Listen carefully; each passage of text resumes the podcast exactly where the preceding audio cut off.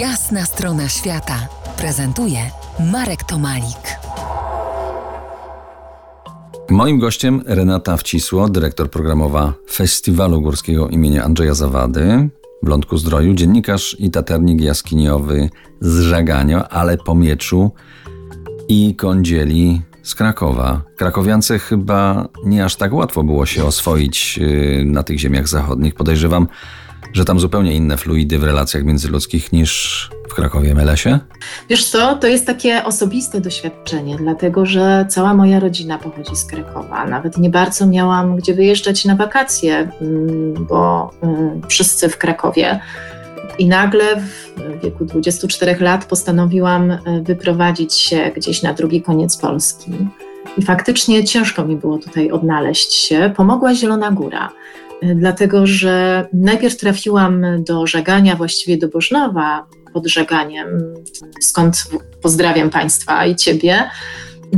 Ale potem szybko przeniosłam się do Zielonej Góry i tutaj w Zielonej Górze naprawdę się odnalazłam. Mieszkałam kilka lat.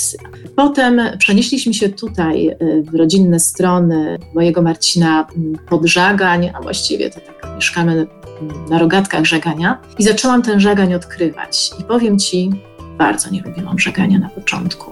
Ale to, Był... ale to słuchaj, to, to, to chyba dziwne, dlatego że legenda ponoć głosi, że żegań założyła córka Wandy, a wnuczka Kraka, księżniczka Żaganna, Księżna Żaganna, tak, i nawet y, tutaj w Żaganiu poświęcona jest jej ulica, ulica Księżnej Żaganny.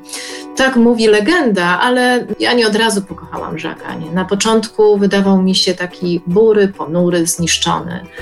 Teraz y, te środki i europejskie, unijne i ministerialne y, i różne dotacje pozwoliły no, przywrócić powoli, przywracana jest ta świetność. Ale macie też, y, macie też żołnierzy i to od, od dłuższego czasu, tak epokami. Czy przeprowadzając się do żegania, do wojskowego miasta, weszłaś w, jakoś, jakiś, w jakiś pakt z żołnierzami? Zobaczyłaś w nich drugą twarz?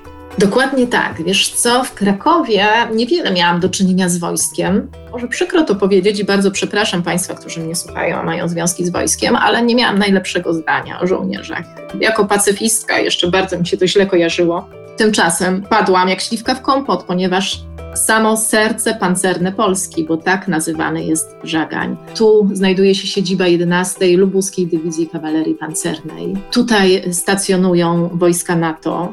Rano przed naszą rozmową zastanawiałam się, jak będzie mnie słychać i czy nie przeniesiemy naszej rozmowy, ponieważ trzęsły się szyby i ściany odbywają się kolejne ćwiczenia. Zresztą te ćwiczenia to jest u nas norma. Tutaj była y, kręcona część odcinków y, Czterech Pancernych i Psa i nie wiem, czy y, kojarzycie Państwo taki film. Potem nastąpi cisza z lat 60.